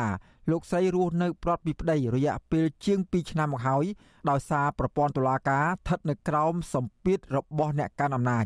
ទន្ទឹមនឹងប្តីជាប់ពន្ធនាគាររាប់ឆ្នាំមកនេះលោកស្រីឲ្យដឹងថាគ្រប់សកម្មភាពដែលប្រពន្ធនិងកូនកូនរបស់សកម្មជនគណៈបកប្រឆាំងចេញតស៊ូមតិប្រឆាំងនឹងអំពើអយុត្តិធម៌នៅក្នុងសង្គមម្ដងម្ដងតែងតែរងការធ្វើទុកបុកម្នេញគ្រប់រូបភាពពីសំណាក់អាជ្ញាធរនៅតាមទីសាធារណៈហើយអាជ្ញាធរពន្ធនាគារវិញ បានចាត់វិធានការបំបិទសិទ្ធិសេរីភាពរបស់អ្នកទោសមនសិការដែលធ្វើឲ្យប៉ះពាល់ដល់ផ្លូវចិត្តពួកគាត់គួរឲ្យព្រួយបារម្ភលោកស្រីអុកចន្ទធីសោកស្ដាយចំពោះរដ្ឋាភិបាលលហ៊ុនសែនដែលខ្វះការទទួលខុសត្រូវដោះស្រាយបញ្ហាប្រជាធិបតេយ្យនិងការគោរពសិទ្ធិមនុស្សនៅមុនការបោះឆ្នោតតបតាមការស្នើសុំរបស់គ្រួសារអ្នកជាប់ឃុំ និងប្រទេសប្រកាន់លទ្ធិប្រជាធិបតេយ្យកាលពីពេលថ្មីៗនេះលោកស្រីថាទោះបីរហូតមកដល់ពេលនេះ មិនទាន់មានដំណោះស្រាយផ្នែកនយោបាយក៏ដោយក៏ពួកលោកស្រីនៅមិនទាន់អស់សង្ឃឹមឬរៀថយនោះទេ ក្នុងការធ្វើសកម្មភាពរកយុទ្ធធរដល់ក្រមគូសានៅតាមបណ្ដាស្ថាប័នជាតិនិងស្ថានទូតនានារហូតមានការដោះលែងពួកគាត់ឲ្យមានសេរីភាពឡើងវិញដោយគ្មានលក្ខខណ្ឌ កម្មជននយោបាយទាំងអស់មិនទាន់បានទទួលភាពយុត្តិធម៌ប្រអីការជាប់ឃុំរបស់ពួកគាត់ទាំងអស់គ្នាគឺជាប់ឃុំដោយអយុត្តិធម៌គឺដោយសារថាការឃុំឃាំងរបស់ពួកគាត់តឡាការកាត់ទោសគាត់ដោយគាត់អត់មានកំហុសអីសោះជាការបដិទ្ធជាការមូលបង្កាច់របស់តឡាការអញ្ចឹងហើយពួកខ្ញុំនៅតែតវ៉ានៅតែស៊ូទៅមុខទៀតដើម្បីរកយុត្តិធម៌ឲ្យក្រុមគ្រួសារពួកខ្ញុំក៏ដូចជាសកម្មជននយោបាយទាំងអស់ស្រដៀងគ្នានេះដែរ ប្រពន្ធមន្ត្រីគណៈបកសង្គ្រោះជាតិម្នាក់ទៀតដែលកំពុងជាប់ពន្ធនាគារនៅព្រៃសរលោកគង់ម៉ាស់គឺលោកស្រីកុលសាទប្រាប់បទសុអសីសីថាក្រោយពេលប្តីលោកស្រីជាប់ពន្ធនាគារដោយអយុធធរជាលើកទី2មកលោកស្រីត្រូវធ្វើការងាររកប្រាក់តែម្នាក់ឯងដើម្បីទ្រទ្រង់ជីវភាពប្រចាំថ្ងៃនិងបង់ថ្លៃបន្ទប់ជួលព្រមទាំងត្រូវចិញ្ចឹមកូនស្រីរៀនថ្នាក់ទី6ម្នាក់ទៀតនៅក្នុងបន្ទុក ប៉ុន្តែលោកស្រីមិនបោះបង់ចោលនៅការទៀមទារោគភាពស្អាតស្អំជូនប្តីម្ដងណាឡើយលោកស្រីយល់ថាផ្អែកតាមដំណើរការសវនាការជាច្រើនលើកមកនេះបើសិនជាតុលាការពិតជាបំពេញវិជ្ជាជីវៈដោយត្រឹមត្រូវនិងឯករាជ្យគឺប្តីរបស់លោកស្រីនិងសកម្មជនផ្សេងទៀតនឹងរួចផុតពីការចោទប្រកាន់នៅថ្ងៃសវនាការនាពេលខាងមុខនេះ ប៉ុន្តែលោកស្រីមិនសង្ឃឹមថាតុលាការនឹងផ្ដល់យុត្តិធម៌ឡើយពីព្រោះសំណុំរឿងនេះកើតចេញពីចំនួននយោបាយការគេយកគាត់ចាប់គាត់ទៅឃុំខ្លួនរហូតដល់លើជិត2ឆ្នាំហើយហើយក៏សកម្មភាពលើកពេលរហូតសម្រាប់ខ្ញុំវាជួបការលំបាកច្រើនហើយក៏វាអយុត្តិធម៌សម្រាប់ក្រុមគ្រួសារពួកយើងខ្ញុំដែលជាអ្នកទោសមនសិការចាទាំងដែលបានធ្វើអ្វីខុសសោះគេយកគាត់ទៅឃុំខ្លួនទាំងអយុត្តិធម៌នឹងឯខ្ញុំក៏ដូចជាអ្នកទោសមនសិការផ្សេងផ្សេងសូមដោះលែងគាត់នៅក្រៅឃុំ មកទល់នឹងពីនេះមានសកម្មជនគណៈបកប្រឆាំងនិងអ្នករិះគន់រដ្ឋាភិបាលជាង60នាក់ទៀតកំពុងជាប់ឃុំនៅក្នុងពន្ធនាគារដោយសារតែការអនុវត្តសិទ្ធិសេរីភាពរបស់ខ្លួនពួកគាត់ភ័យច្រើនត្រូវបានអាជ្ញាធរចាប់ឃុំខ្លួនជាបន្តបន្ទាប់កាលពីដើមឆ្នាំ2020តុលាការបានចោទប្រកាន់ពួកគេដូចដូចគ្នាពីបទរួមគំនិតក្បត់ញុះញង់ឲ្យយោធិនមិនស្ដាប់បង្គាប់ញុះញង់ឲ្យប្រព្រឹត្តបទឧក្រិដ្ឋជាអាត និងញុះញង់ឲ្យមានភាពវឹកវរធ្ងន់ធ្ងរដល់សន្តិសុខសង្គមជាដើមវត្តជូអសីស្រីនៅពុំទាន់អាចតាក់ទងប្រធានអង្គភិបអ្នកណែនាំពាក្យរដ្ឋាភិបាលលោកផៃស៊ីផាននិងអ្នកណែនាំពាក្យក្រសួងយុទ្ធភ័ពលោកចិនម៉ាលីនដើម្បីបញ្ជាក់ជុំវិញរឿងនេះបានទេនៅថ្ងៃទី29ខែវិច្ឆិកាកាលពីពេលថ្មីថ្មីនេះសេចក្តីប្រកាសព័ត៌មានរបស់សេតវិមានឲ្យដឹងថា ក្នុងជំនួបរវាងប្រធានាធិបតីអាមេរិកលោកโจ Biden ជាមួយនឹងលោកហ៊ុនសែនក្នុងអំឡុងកិច្ចប្រជុំកំពូលអាស៊ានកន្លងទៅ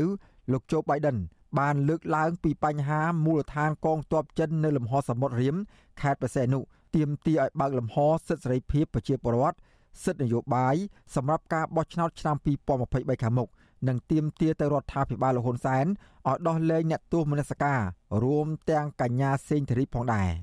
ឆ្លើយតបនឹងរឿងនេះ នៅក្នុងសន្និសីទសារព័ត៌មានស្ដីពីលទ្ធផលនៃកិច្ចប្រជុំកំពូលអាស៊ាននៅថ្ងៃទី14ខែវិច្ឆិកាឆ្លើយតបទៅកាន់អ្នកសារព័ត៌មានលោកហ៊ុនសែនធ្វើភ្លេចអ្វីដែលបានជជែកជាមួយលោកโจ Biden និងបានជំរុញឲ្យទៅសួរស្ថានទូតសហរដ្ឋអាមេរិកវិញជុំវិញសំណើរបស់លោកโจ Biden នេះបន្ទាប់មកលោកនាយករដ្ឋមន្ត្រីហ៊ុនសែនបានទទួលស្គាល់ថាជំនួបទ្វេភាគីរវាងលោក ជាមួយនឹងប្រធានាធិបតីសហរដ្ឋអាមេរិកលោកโจ Biden កាលពីក្នុងកិច្ចប្រជុំកំពូលអាស៊ានគឺលោកโจ Biden បានប្រាប់លោកឲ្យបើកលំហប្រជាធិបតេយ្យសម្រាប់ការបោះឆ្នោតឆ្នាំ2023ឡើងវិញប៉ុន្តែលោកហ៊ុនសែនបដិសេធថាមេដឹកនាំសហរដ្ឋអាមេរិកមិនបានទាមទារឲ្យមានការដោះលែងអ្នកជំនាញច្បាប់និងកិច្ចការអន្តរជាតិកញ្ញាសេងធីរីនោះទេទោះយ៉ាងណាសង្គមស៊ីវិលនិងសកម្មជនសង្គមមើលឃើញថាក្រោយកិច្ចប្រជុំកំពូលអាស៊ានមកទួលនឹងពីនេះ រដ្ឋាភិបាលមិនទាន់មានការឆ្លើយតបវិជ្ជមានណាមួយតាក់ទងនឹងការដោះលែងអ្នកទោសមនសិការនិងសង្គមស៊ីវិលដែលកំពុងជាប់ឃុំនៅក្នុងសំណុំរឿងនយោបាយនោះនៅឡើយទេផ្ទុយទៅវិញស្ថានភាពប្រជាធិបតេយ្យនិងការគោរពសិទ្ធិមនុស្សនៅកម្ពុជា នៅតែរដ្ឋបិទនិងបន្តគម្រាមកំហែងទៅលើសកម្មជននយោបាយសកម្មជនសិទ្ធិមនុស្សសកម្មជនសង្គមនិងមេដឹកនាំសហជីពជាដើមទន្ទឹមគ្នានេះរដ្ឋាភិបាលលោកហ៊ុនសែន ខ្វះទំនួលខុសត្រូវក្នុងការឆ្លើយតបនឹងសំណើរបស់សហគមន៍ជាតិនិងអន្តរជាតិឲ្យបើកលំហប្រជាធិបតេយ្យនិងដោះលែងអ្នកទោសនយោបាយឲ្យមានសេរីភាពឡើងវិញនៅមុនការបោះឆ្នោតឆ្នាំ2023ប្រធានសមាគមការពារសិទ្ធិមនុស្សអាត6លោកនីសុខាគាំទ្រការបដិញ្ញាចិត្តតស៊ូមតិនិងបញ្ចេញមតិដោយអហិង្សាស្របតាមគោលការណ៍ច្បាប់ដើម្បីស្វែងរកយុត្តិធម៌លោកមើលឃើញថា បើសិនជាស្ថានភាពនយោបាយមិនទាន់មានសញ្ញាវិជ្ជមានទេពន្លឺយុទ្ធធរសម្រាប់សកម្មជនគណៈបកប្រឆាំងអាចនៅវែងឆ្ងាយតទៅទៀតលោកអំពីវនេះដល់អ្នកនយោបាយឲ្យងាកចូលមកតុចរចាដោះស្រាយបញ្ហានយោបាយឲ្យបានមុននឹងការបោះឆ្នោតឆ្នាំ2023ខាងមុខដើម្បីបញ្ជានៅការរីគុណនិងទណ្ឌកម្មពីសហគមន៍អន្តរជាតិជាពិសេសពីសហរដ្ឋអាមេរិកនិងសហភាពអឺរ៉ុប ថ្មីថ្មីទាំងសហគមន៍អឺរ៉ុបក្តីទាំងសហរដ្ឋអាមេរិកក្តីតែតែលើកឡើងអំពីបញ្ហានៃការស្នើរដ្ឋាភិបាលបើកនៅលំហសេរីភាពពិសេសគឺតកតទៅនឹងបញ្ហាមុនពេលបោះឆ្នោតជាតិឆ្នាំ2023នឹងមកដល់ឆ្នេះនេះជារឿងមួយដែលរដ្ឋាភិបាលត្រូវតែយកចិត្តទុកដាក់និងធ្វើការឆ្លើយតបឲ្យបានច្បាស់លាស់ក៏ដូចជាឲ្យបានពិសេសគឺឲ្យមានការឆ្លើយតបជាលក្ខណៈវិជ្ជមានដើម្បីជាប្រយោជន៍មកដល់សង្គមជាតិយើងបាទ ដោយឡែកករណីរដ្ឋបិទសិទ្ធិសេរីភាពអ្នកជាប់ឃុំនយោបាយនៅក្នុងពន្ធនាគារវិញកូនស្រីមន្ត្រីគណៈបកសង្គ្រោះជាតិដែលកំពុងជាប់ពន្ធនាគារនៅត្រពាំង plong ដែលតុលាការកាត់ទោសឲ្យឪពុកកញ្ញាជាប់គុក7ឆ្នាំ គឺលោកកងសំអាន ដែលមានកូនស្រីគឺកញ្ញាគុំមូលីឲ្យដឹងថាមន្ត្រីពន្ធនាគារត្រពាំង plong ហាម5សូម្បីតែសាច់ញាតិនិងមិត្តភ័ក្តិឬបងប្អូនបង្កើតរបស់អ្នកទោសមនសិការក៏មិនអាចចូលសួរសុខទុក្ខបានឡើយដោយមន្ត្រីនៅទីនោះ លើកឡើងពីហេតុផលដើម្បីរក្សាសន្តិសុខកញ្ញាស្នើដល់អាជ្ញាធរពន្ធនាគារឲ្យបញ្ឈប់ការរើសអើងនិងដាក់សម្ពាធទៅលើសកម្មជនសិទ្ធិមនុស្សសកម្មជននយោបាយដែលកំពុងជាប់ឃុំនៅពន្ធនាគារតទៅទៀតទោសផ្សេង អត់មានសភៅគ្រួសារក៏បានចូលបានច្រើនម្នាក់ពីរនាក់បីនាក់អីយ៉ាងបានហើយមានការជួបជុំគ្នាបានហូបបាយជុំគ្នាបានចំណែកឯពួកគាត់ដូចប៉ានាងខ្ញុំអីมันបានតែម្ដងគាត់ជាអ្នកតស៊ូអ្នកគ្រូបង្រៀនដែរមិនសមណាគេធ្វើបែបនេះដាក់លើគាត់វាអយុត្តិធម៌ណាឆ្លើយតបនឹងរឿងនេះអ្នកនាំពាក្យអគ្គនាយកដ្ឋានពន្ធនាគារនៃក្រសួងមហាផ្ទៃលោកនុតសាវណ្ណាលើកឡើងថាជនជាប់ឃុំដែលស្ថិតនៅក្រោមនីតិវិធីឬត្រូវត្រួតពិនិត្យដោយតុលាការ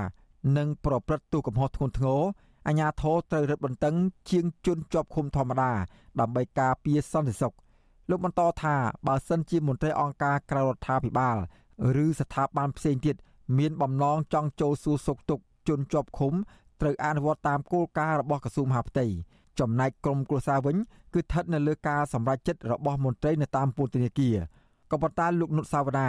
ជំរុញឲ្យគ្រួសារសកម្មជនគណៈបកប្រឆាំងដាក់លិខិតស្នើទៅក្រសួងមហាផ្ទៃដើម្បីដោះស្រាយរឿងនេះយើងអត់មានគោលការណ៍បែងចែកថាជនជនគុំប្រភេទណាដែលត្រូវរត់ទាំងទេជួនកាលនៅគោលដៅនឹងផ្ទាល់អឺមន្ត្រីពន្ធនាគារនៅគោលដៅហ្នឹងគាត់ជាអ្នកវិនិច្ឆ័យគាត់ជាអ្នកសម្រេចផ្ទាល់ថាតើគួរឲ្យជួបឬមិនជួបគួរឲ្យទុកក្នុងកម្រិតណាមួយទៅអាហ្នឹងគឺពួកគាត់មានសិទ្ធិសម្រេចផ្ទាល់ មន្ត្រីសង្គមស៊ីវិលថាជនជាប់ឃុំគ្រប់រូបមានសិទ្ធិប្រាស្រ័យតាក់ទងជាមួយនឹងក្រុមគូសាសាច់ញាតិនិងមិត្តភ័ក្តិដែលមានចែងនៅក្នុងច្បាប់ក៏ប៉ុន្តែប្រសិនបើអាជ្ញាធរពន្ធនាគាររដ្ឋបិទលើសកម្មជនគណៈបកប្រឆាំងទាំងនោះគឺជាការរំលោភលើគោលការណ៍សិទ្ធិមនុស្សដែលកម្ពុជាផ្ដល់សច្ចាប័នកន្លងមកខ្ញុំបាទសេកបណ្ឌិតវុទ្ធុអាស៊ីសេរីពីរដ្ឋធានីវ៉ាស៊ីន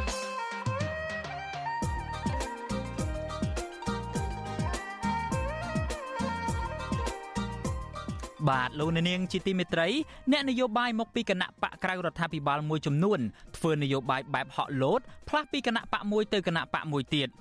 រីឯអ្នកខ្លះវិញទៀតនៅទីបំផុតទៅក៏សម្រេចទៅចោះចូលជាមួយនឹងគណៈបកប្រជាជនកម្ពុជារបស់លោកហ៊ុនសែនជាក់ស្ដែងដូចជាករណីលោកបណ្ឌិតយ៉ងសាងកុមារអ្នកជំនាញផ្នែកកសិកម្មជាដើម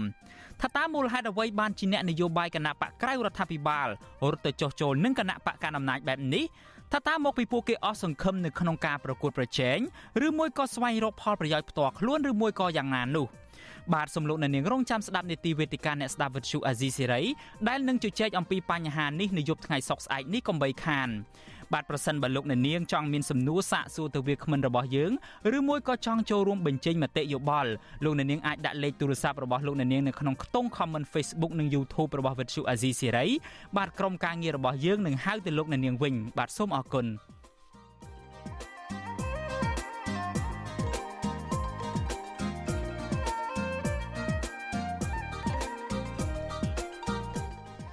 បាទលោកអ្នកនាងជាទីមេត្រីប្តីស្ត្រីជាកម្មកររោងចក្រដែលត្រូវបានគ្រូពេទ្យវះកាត់ដាច់ពោះវៀននោះបានសម្រេចប្តឹងមន្ទីរសម្រាប់ព្យាបាលឯកជនដែលបង្កបញ្ហានេះដើម្បីទាមទាររោគយុត្តិធម៌បាទតកតងនឹងករណីនេះក្រសួងសុខាភិបាលរកឃើញថាមន្ទីរសម្រាប់ព្យាបាលឯកជននោះបានធ្វើប្រហែសដោយបានអនុញ្ញាតឲ្យឈ្មោះមិនទាន់មានជំនាញច្បាស់លាស់ធ្វើការរំលូតគភ៌ដែលមានអាយុ18សប្តាហ៍បាទអ្នកស្រីម៉ៅសុធានីរាយការណ៍ព័ត៌មាននេះ ស្ត្រីរងគ្រោះបន្តស្ថិតក្នុងបន្ទប់សង្គ្រោះបន្ទាន់ដដែលចំណែកមន្ទីរសម្រាប់ព្យាបាលដែលធ្វេសប្រហែលនោះក្រសួងសុខាភិបាលបានបិទបណ្ដោះអាសន្នដើម្បីធ្វើការស៊ើបអង្កេតចាត់វិធានការជាបន្តប្តីលោកស្រីឈៀងស្រីអូនគឺលោកផេងវឿនបានប្រាប់វិទ្យុអសីស្រី នៅថ្ងៃទី1ខែធ្នូថាពេលនេះ សាច់ញាតិរបស់លោកបានដាក់ពាក្យប្តឹងមន្ទីរសម្រាប់ព្យាបាលដើមអង្ក្រង ដែលបណ្ដាច់បណ្ដោយឲ្យប្រពន្ធរបស់លោកប្រឈមគ្រោះថ្នាក់ដល់អាយុជីវិតរួចហើយលោកថាដែលសារតែលោករវល់ថែទាំប្រពន្ធក្នុងមន្ទីរពេទ្យលោកនៅមិនទាន់ដឹងថាសមត្ថកិច្ចឬក៏តឡាការចាត់វិធានការបែបណា លើមន្ទីរសម្រាប់ព្យាបាលនោះនៅឡើយទេបរិជាកម្មកររោងចក្ររូបនេះសង្ឃឹមថាតឡាការនិងស្ថាប័នពាក់ព័ន្ធនឹងជួយរកយុត្តិធម៌ដល់ប្រពន្ធរបស់លោក មានហើយបងមានខាង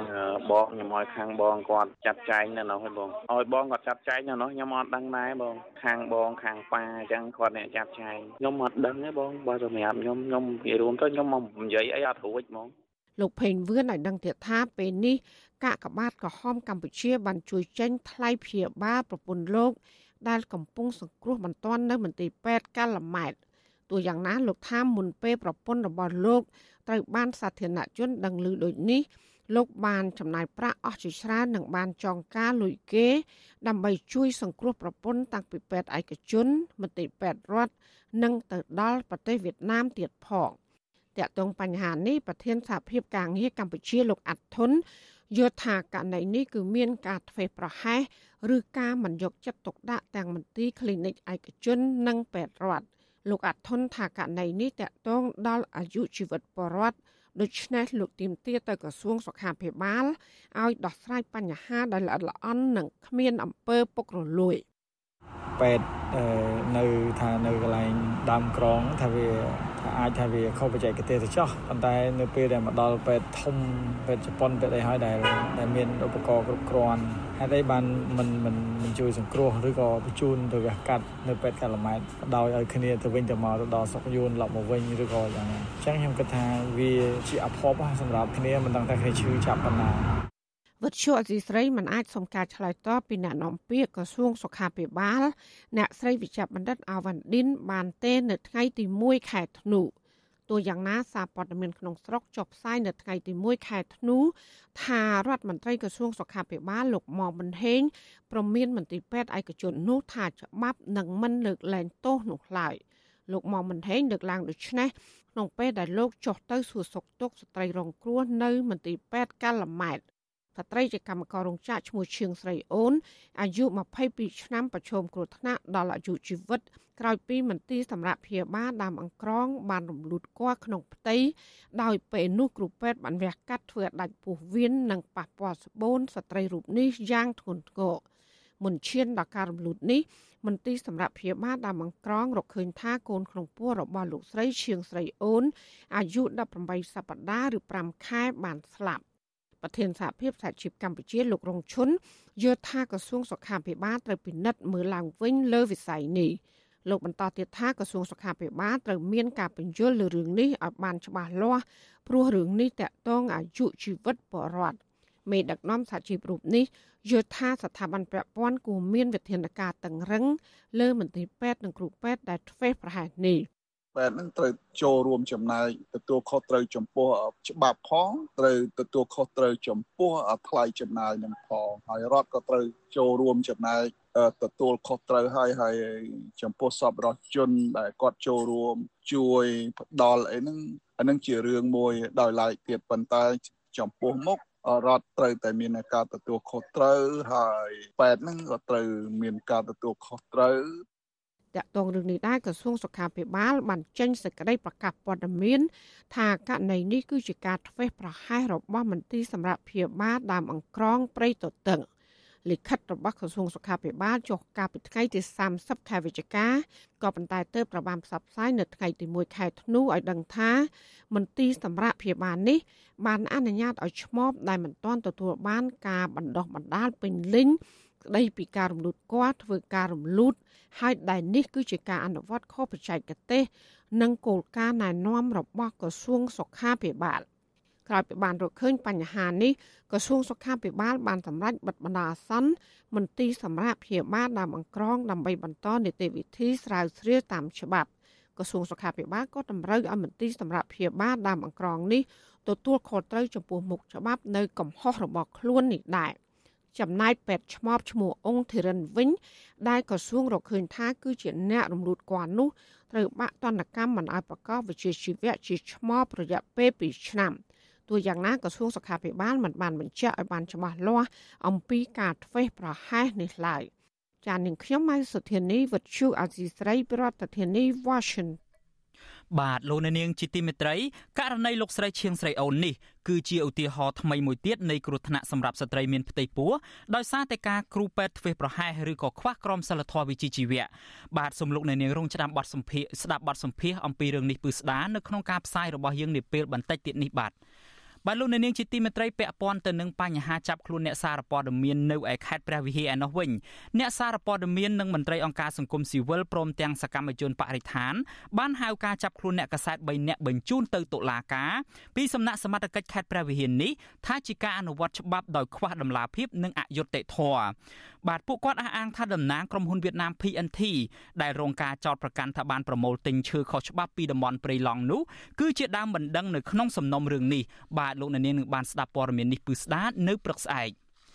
បាទលោកអ្នកនាងជាទីមេត្រីសម្រាប់លោកអ្នកនាងដែលកំពុងតាមដានការផ្សាយរបស់យើងតាមរយៈរលកថេដាកាខ្លីឬមួយក៏ shortwave នោះនៅម៉ោង8កន្លះនេះលោកអ្នកនាងនឹងមិនលឺការផ្សាយរបស់យើងទៀតទេក៏ប៉ុន្តែសម្រាប់លោកអ្នកនាងដែលស្ដាប់ការផ្សាយរបស់យើងនៅតាមបណ្ដាញសង្គម Facebook និង YouTube សូមអញ្ជើញបន្ត30នាទីជាមួយយើងតទៅទៀតបាទនៅក្នុងកិច្ចពិភាក្សារយៈពេល30នាទីបន្តទៅទៀតនេះយើងនឹងពិភាក្សាអំពីការទទួលខុសត្រូវរបស់គ្រូពេទ្យព្រមទាំងការបង្ការគ្រោះថ្នាក់សុខភាពធ្ងន់ធ្ងរសម្រាប់ស្ត្រីមានផ្ទៃពោះដែលទៅរកសេវាសុខាភិបាល បាទកិច្ចកម្មវិធីបន្តទៅទៀតនេះមានអ្នកស្រីសុជីវីជាអ្នកសម្របសម្រួលបាទខ្ញុំបាទយ៉ងច័ន្ទតារាសូមអរគុណនិងសូមជម្រាបលាលោកអ្នកនាងត្រឹមនេះ